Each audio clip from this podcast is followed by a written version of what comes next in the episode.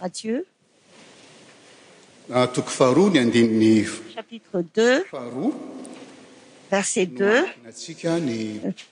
nous allons fonder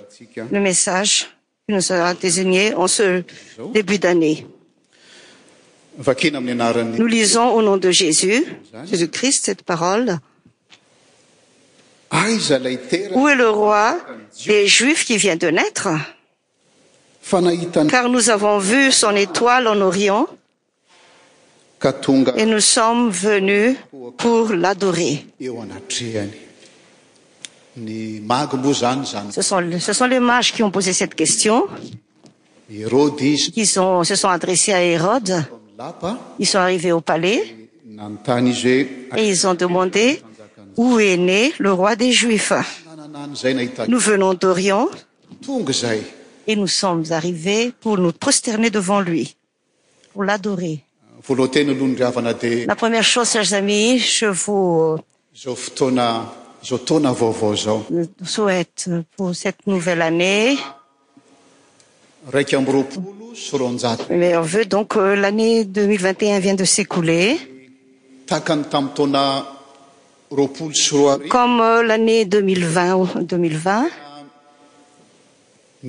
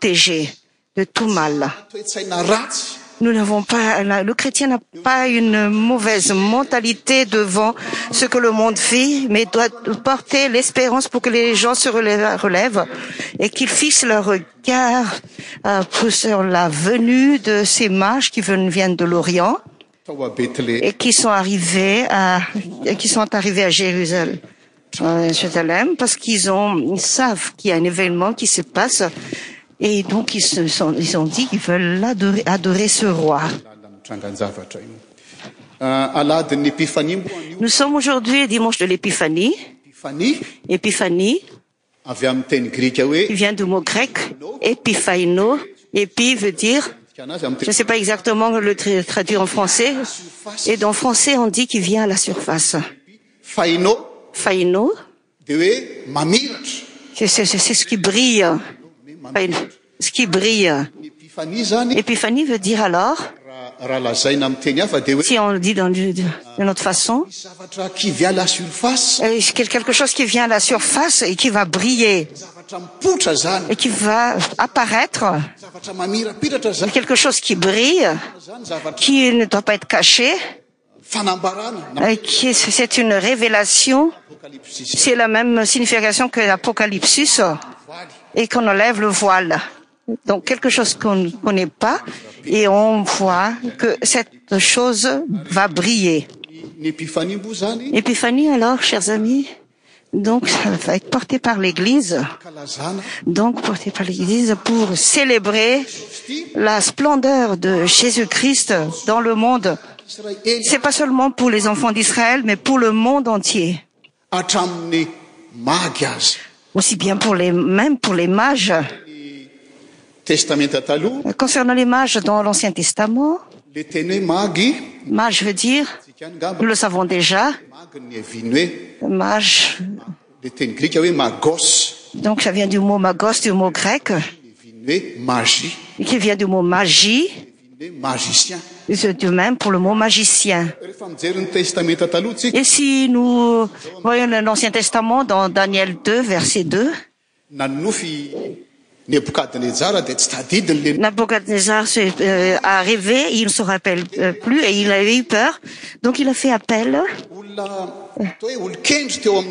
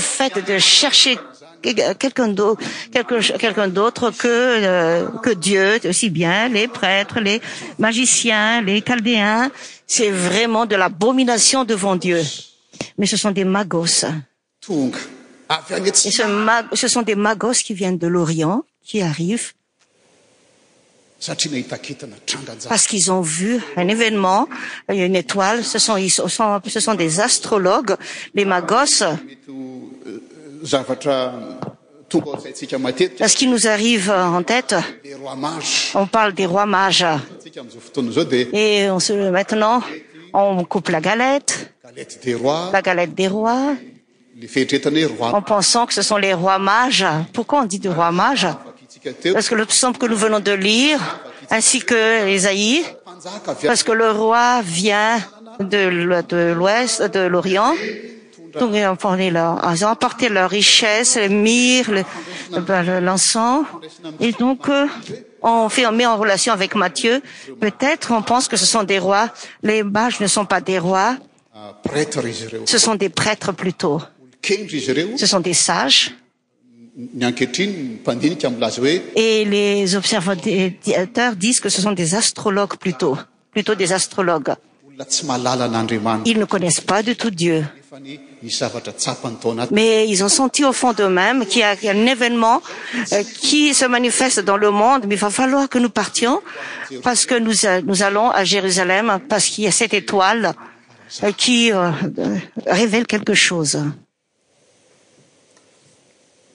Euh,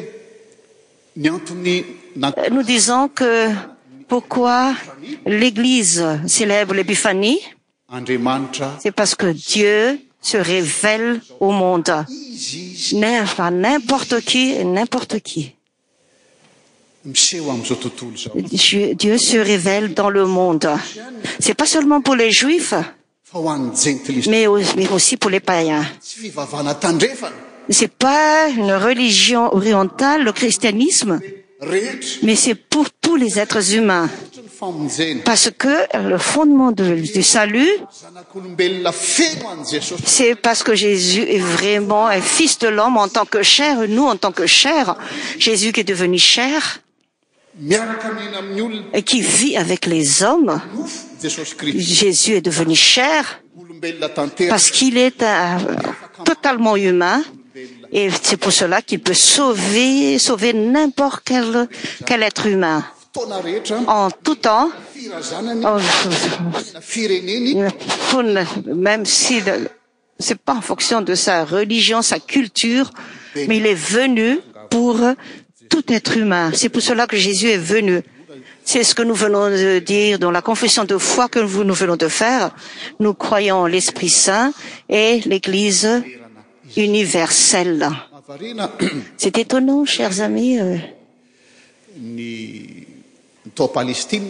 c'est euh. pas cest pas seulement en palestine que l'église chrétienne a commencé mais rvé en europe aussi à mdagascar chacun a sa culture toutes ces nations leur conne leur culture mais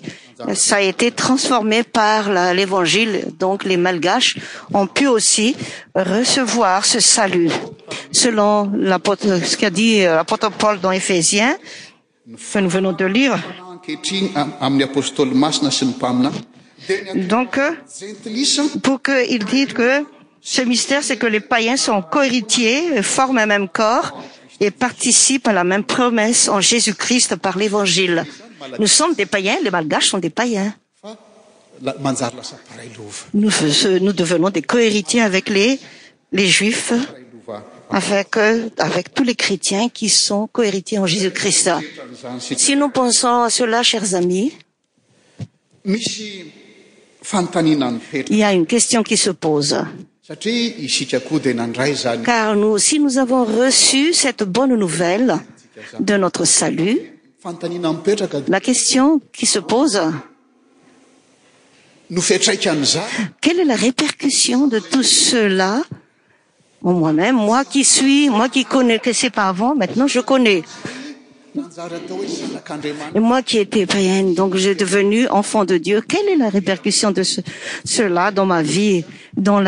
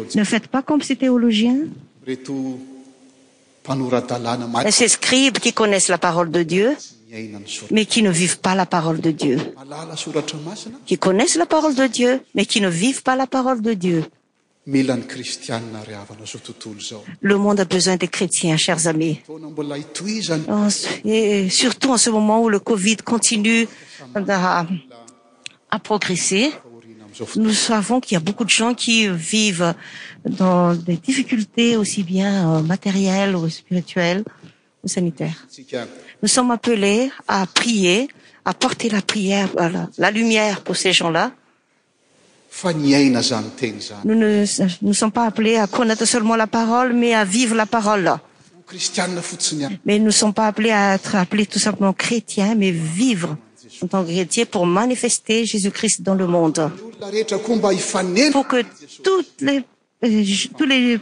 sos qiso atour de ous eotre sus aussiet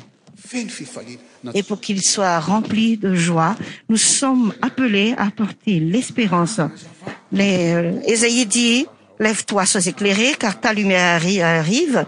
et la gloire de l'éternel se lève sur toi voici les téèbres couve la terre et l'obscurité des peuples mais sur toi l'trnel se lèv nous espérons chers amis que cette nouvelle année que nous allons traverser que nous croyonsos sentions toujours que notre dieu cest un dieu hier aujourd'hui et de demain et moïse quand il a été envoyé en égypte quand on lui a demandé qui es-tu que toi que je vais partir en égypte dieu lui a dit moi e si je suis et je le suis éternellement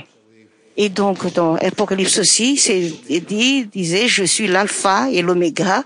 le début est la fin le temps passe les années passent nous ne savons pas ce que le lendemain nous réserve qui sait ce qui le lendemain nous réserve ce que nous savons c'est que le seigneur est maître de lendemain cet alphaoméga il est maître de notre lendemaincelui de ujourdhu et de demain il est le maître de notre main et il nous exhorte à aller marcher dans la lumière parce que nous sommes des héritiers et des cohéritiers et nous exortons les gens à être des héritiers aussi